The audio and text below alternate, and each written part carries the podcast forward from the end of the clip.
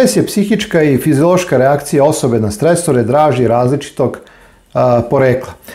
Ono što je definitivno činjenica jeste da se danas više govori o stresnom načinu života, gotovo da nema osobe koja ne tvrdi da je pod nekim stresom. Međutim, da li je to baš tako ili mi možda malo preterujemo? Znamo li šta je stres uopšte ili samo upotrebljavamo taj termin jer je to nekako u trendu? Činjenica je da je nekom najveći stres razvod braka, je neuspjeh na poslu, je bolest deteta, sa druge strane neki ljudi su u ovim okolnostima sasvim ravnodušni, ali ih recimo dotuče izdaja prijatelja ili gubitak novca. Također, također i pozitivni događaji mogu biti stresni, a mnogi na njih reaguju istim simptomima kao da su negativni.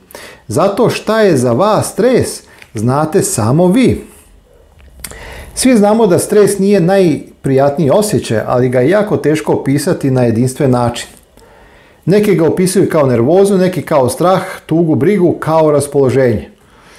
Da li je bolest ili stanje? Do nedavno se stres smatrao bolešću savrednog čovjeka, a danas je toliko prisutan u svakodnevnom životu svih nas da ga pojedini autori sve više tretiraju kao stanje, to jest kao nešto što je očekivano i tipično.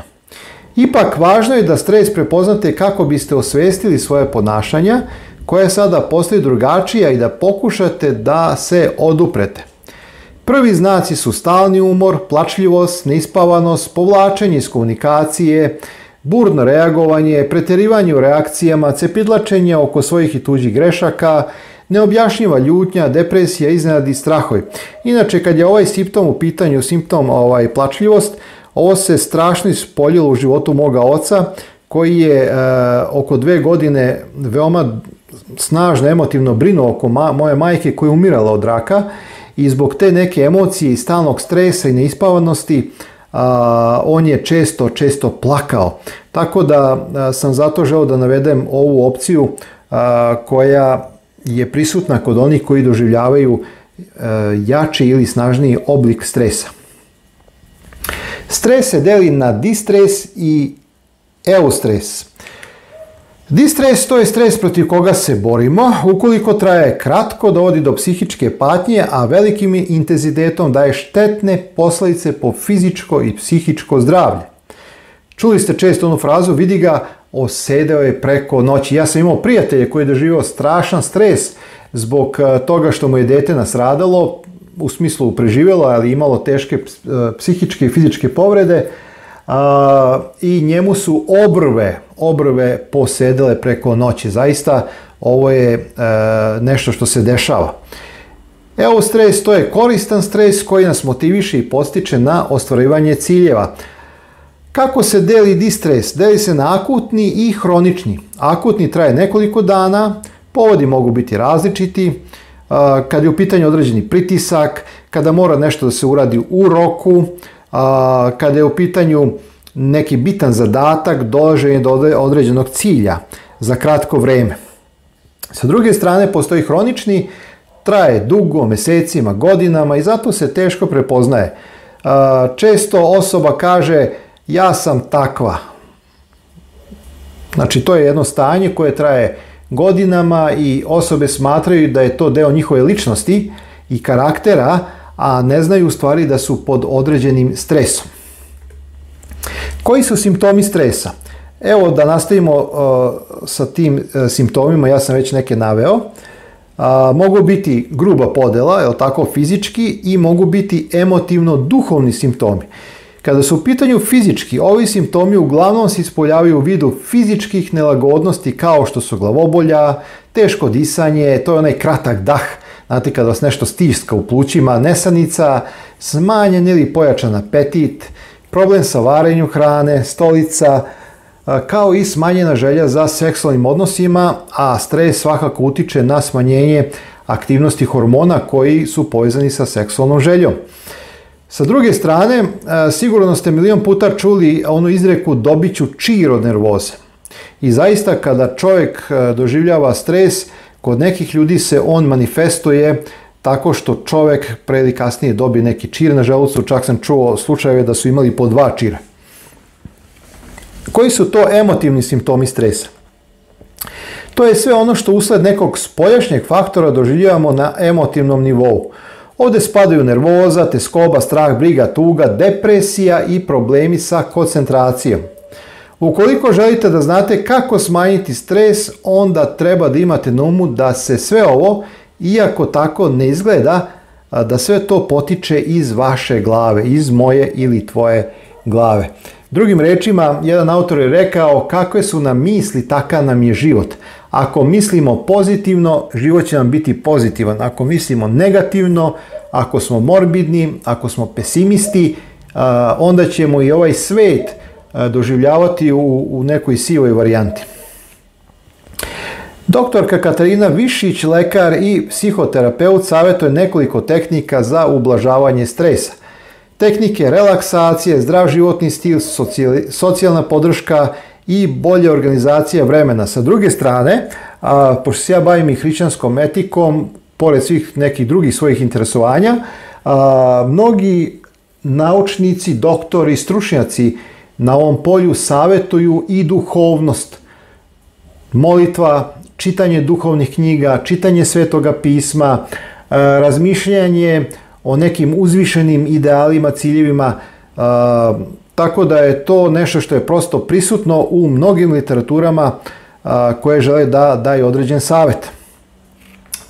Dragi moji, e, definitivno živimo u jednom ludom svetu, u jednom brzom svetu, instant svetu, koji želi da nas pokori, koji želi da nas pobedi, koji želi da nas savlada. Ako ne pružimo otpor i ako zastanemo, verujem da smo ovaj, na jedan način i gotovi, savladani E sad, sa druge strane, dok pružamo otpor, dok se borimo, mi proživljavamo stres, proživljavamo određeni emotivni pritisak, psihički pritisak ili fizički pritisak. Tako da zaista je teško danas izboriti se protiv e, uticaja stresa na svaki vid našeg ljudskog bića. Osjećamo često da, da nam je mozak pod pritiskom kao da ga neko stiska, melje i mi smo pozvani jednostavno da pružamo otpor i da vidimo kako da se izborimo sa svim tim teskobama ili pritiscima u našem životu. Jedino rješenje koje je za mene prihvatljivo, pošto i ja polazim od te duhovne strane, jeste principi koje pronalazimo u Bibliji i zato se ja pozivam na hrišćansku etiku da vidim da li možemo izvući određene principe iz hrišćanske etike koje nam mogu pomoći. Hajde da vidimo kako hrišćanska etika može biti opcija protiv stresa. Hrišćanska etika, kada je problem stresa u pitanju, upućuje na sveto pismo u kome su zapisana Bože obećanja i da nam Bog nudi svoj mir i pomoć u rješavanju problema stresa. Evo u nekoliko koraka ja sam se potrudio da izvedemo nekoliko smernice iz Svetog pisma koji mogu da pomognu u eliminisanju spojašnjih stresora koji su prisutni u našem svakodnevnom životu. Prvi korak, prva ključna mera za kontrolisanje stresa je posvećenost uzvišenom cilju koji pomaže drugima i koji odobrava Bog. Biblija daje neke odlične primjere u tome. Jedan od mojih omiljenih primjera nalazi se u 58. poglavlju knjige proroka Isaije. A nije li ovo post što sam izabrao da, razvežeš sveže bezbožnosti, da razrešiš remenje od bremena, da otpustiš potlačene i da izlomite svaki jaram. Nije li da prelamaš hleb svoj gladnome i siromahe prognane da uvedeš u kuću, kada vidiš gola da ga odeneš i da se ne kriješ od bližnjega svojega. Tada će sinuti vidjelo tvoje kao zora i zdravlje će tvoje brzo procvasti i pred tobom će ići pravda tvoja, slava gospodnja bit će ti zadnja straža. Zapazite kako biblijski tekst iz Isaije knjige, knjige Isaine 58. poglavlja povezuje činjenje dobrih stvari i pomaganje drugima sa zdravljem koje će procvasti. Isaija navodi da će naše sobstveno zdravlje biti poboljšano pomaganjem drugima kao što je deljenje hrane sa gladnima obezbeđivanje odeće onima kojima je neophodna. Pomaganje drugima obezbeđuje osjećaj smisla i svrhe u životu koji je suštinski u izlaženju na kraj sa određenim stresorima. Samo ću vas pitati, dragi moji, kako se osjećate kada učinite nešto dobro ili kada pomognete nekome koju ne nevolji Ja verujem da se svako od vas osjeća ispunjeno, zadovoljno i radosno, a nije to slučajno. Knjiga proroka Isaije u 58. poglavlju iznosi dalje uvide koji se odnose na lično zdravlje kada činimo dobra dela.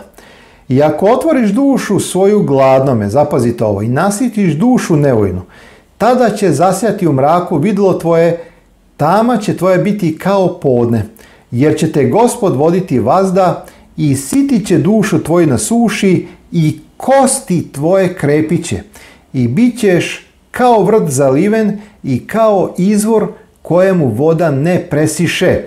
Ono što je meni privuklo pažnju jeste kakve sada imaju veze kosti sa celom ovom pričom i zašto reč Božja kaže kosti će tvoje krepiti. Kada nasitimo dušu nevojnu, doživljavamo Božje specijalno vojstvo i blagoslov. U tom obećanju vidimo opis osobe pod stresom koje na kraju pronalazi olakšanje kao rezultat pomaganja drugima. Božje obećanje kosti tvoje krepiće. Također se može prevesti i kao ojačaće tvoje kosti.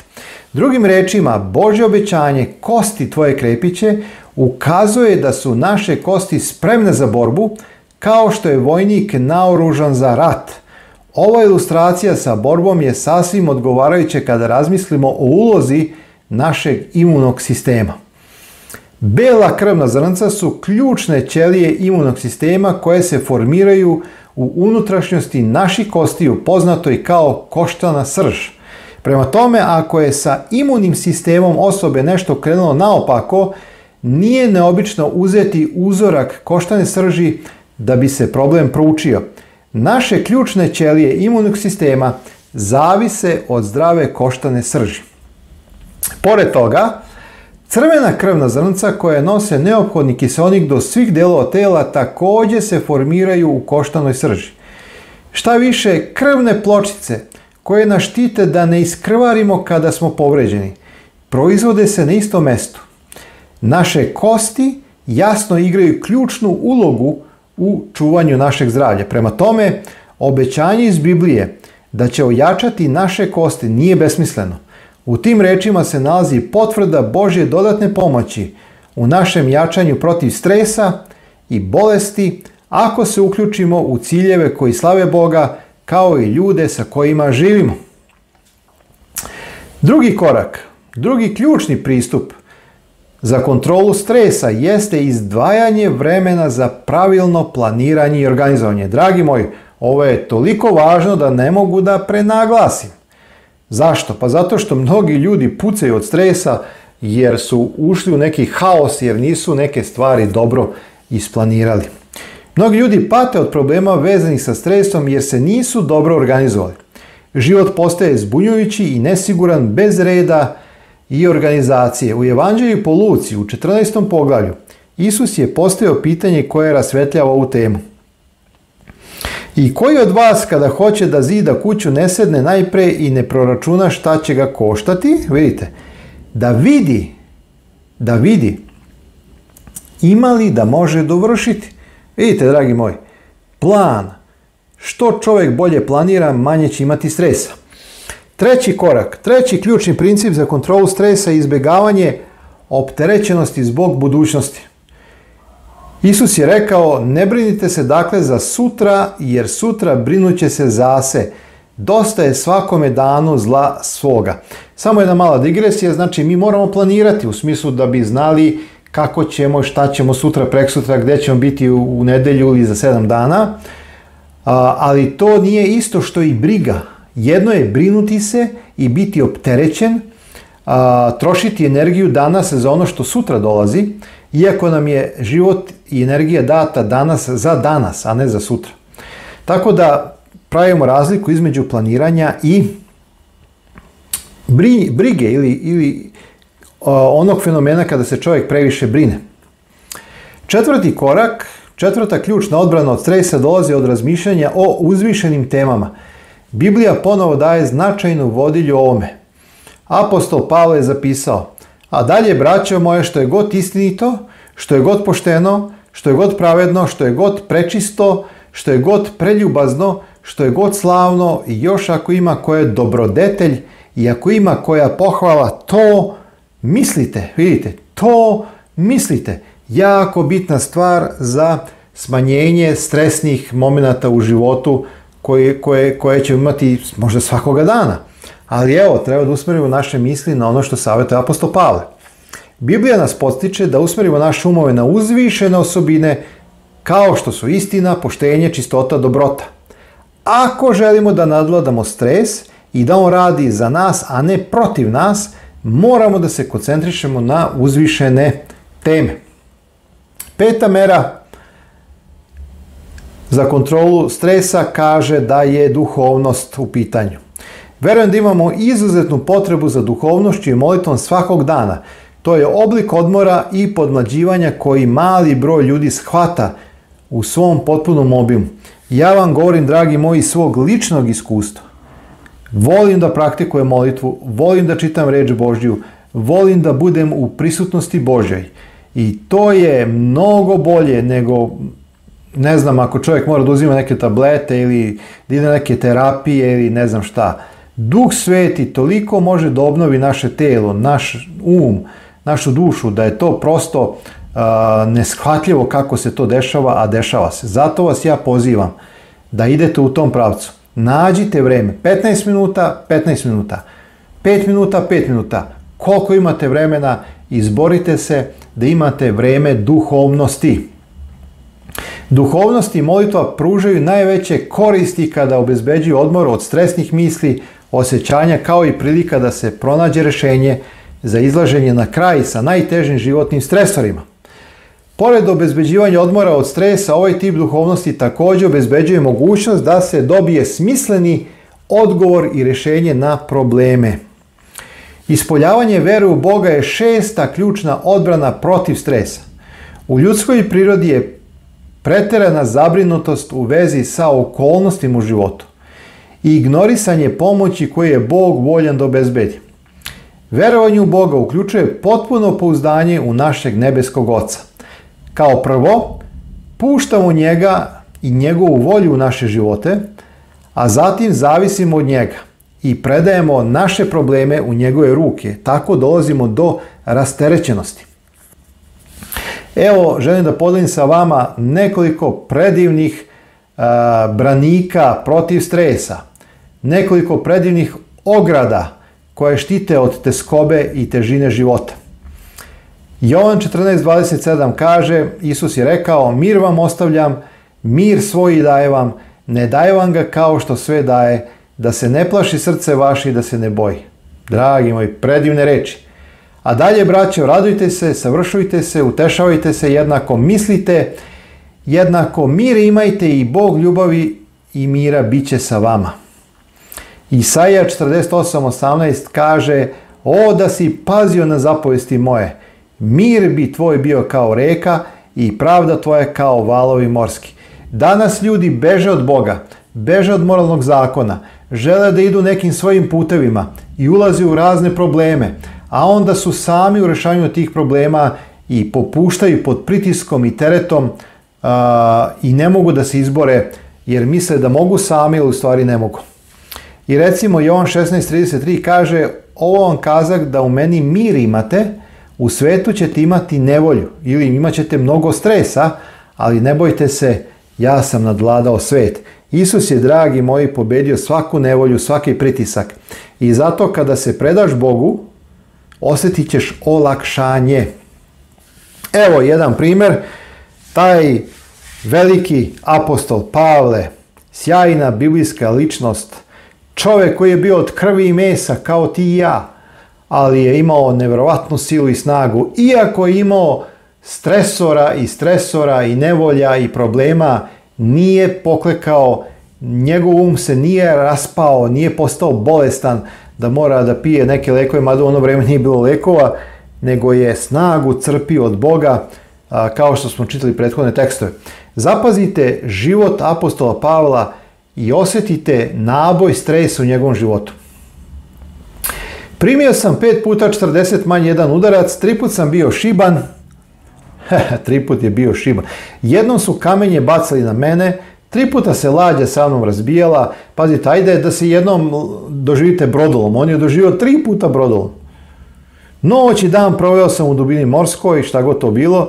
Mnogo puta sam putovao, bio sam u strahu na vodama, u strahu od hajduka, u strahu od rodbine, u strahu od nezabožaca, u strahu u gradovima, u strahu u pustinji, u strahu na moru, u strahu među lažnom braćom, u trudu i poslu, u mnogom nespavanju, u gladovanju, žeđi, u mnogo pošćenju i zimi i golotinji.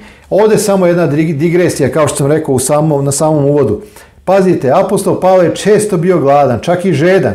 Mnogo je postio, bio je zimi u golotinji i tako dalje. Nije se apostol Pavle prejedao i nije mnogo jeo.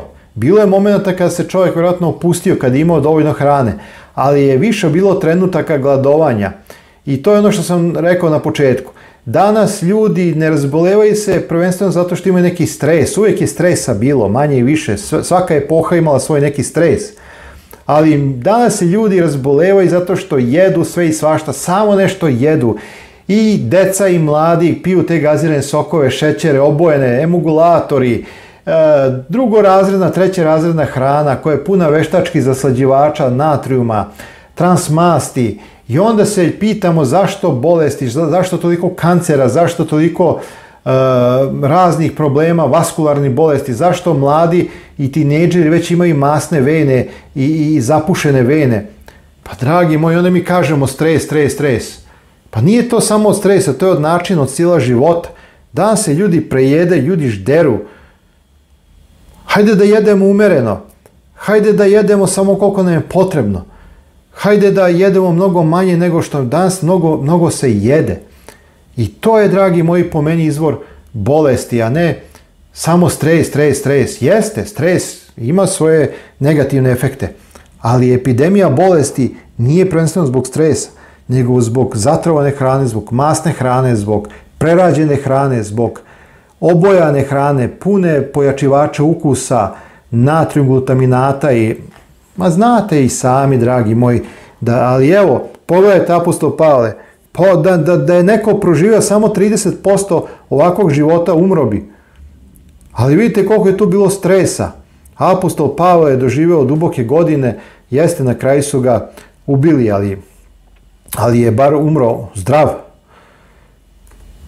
Uprko stresorima kojima je Pavle bio podvrgnut, nije bio nadladan. Mogao je sa uvjerenjem da kaže jer se ja navikog biti dovoljan onim u čemu sam. Otkrio rezultate veru Boga u vezi sa kontrolom stresa i on je zapisao U svemu imamo nevolje, ali nam se ne dosađuje. Zbunjeni smo, ali ne gubimo nade. Progone nas. Pazite, da vas neko progoni, pa to je, ne znam da ima veći stres od toga. Ali nismo ostavljeni. Ruše nas, ali ne ginemo. To je taj veliki Pavle, ali zašto je bio velik? Pa zato što je znao da se osloni na Boga. Zato što je voleo Boga celim svojim srcem. Zato što je svaki dan imao vrijeme za duhovnost.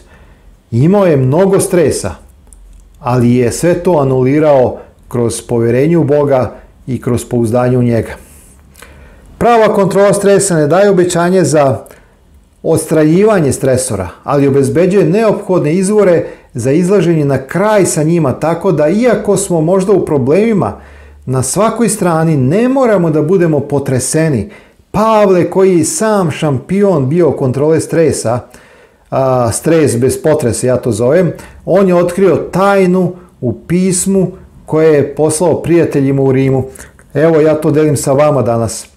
Ko će nas rastaviti od ljubavi Bože? Nevolja, ili tuga, ili gonjenje, ili glad, ili golotenje, ili strah, ili mač, ali u svemu ovome pobeđujemo onoga koji nas je ljubio. Vidite, Pavle imao stotinu stresova i muka, ali kaže ko može da me rastavi, ko može da me obali, ko može da me sruši. Ništa me ne može rastaviti od ljubavi Božje. je postavlja retoričko pitanje. Ko će nas rastaviti od ljubavi Boži Njegov odgovor je jasan. Čak ni najveći stresori ne mogu da smetaju Hristovoj ljubavi za nas – Pavle navodi da je kroz Hrista ostvario pobedu, ali u svemu ovome pobeđujemo onog radi koji nas ljubio. Pavlova vera je nagrađena kroz Hrista, on je postao pobjednik. Ovih nekoliko ključnih principa za upravljanje stresom su bili neprocenjivi u mom životu i zato, dragi moji, to delim sa vama. Ovo što sam izneo pred vas jeste deo mog životnog iskustva. Ja inače ne pričam ništa što nisam proživao ili u šta nisam ubeđen 100%. Također su pomogli mnogim ljudima koji su išli na seminare o stresu. Mogu da zvuče previše jednostavno, ali to ne umanjuje njihovu moć. Poslušajte ih i bit ćete jaki, srećni i zdravi. Toliko od mene za ovaj put. Sve vas volim. Budite stabilni ljudi, oslonite se na Hrista, na duhovnost, na molitvu i bez obzira kako imate muke i probleme, duhovnost i vera i komunikacija sa Bogom, zajedništvo sa Bogom će vam i tekako mnogo pomoći. Ovo je moje iskustvo, ovo je iskustvo mnogih biblijskih velikana, to može biti i vaše iskustvo i neka vas dragi Bog blagoslovi. Pozdrav!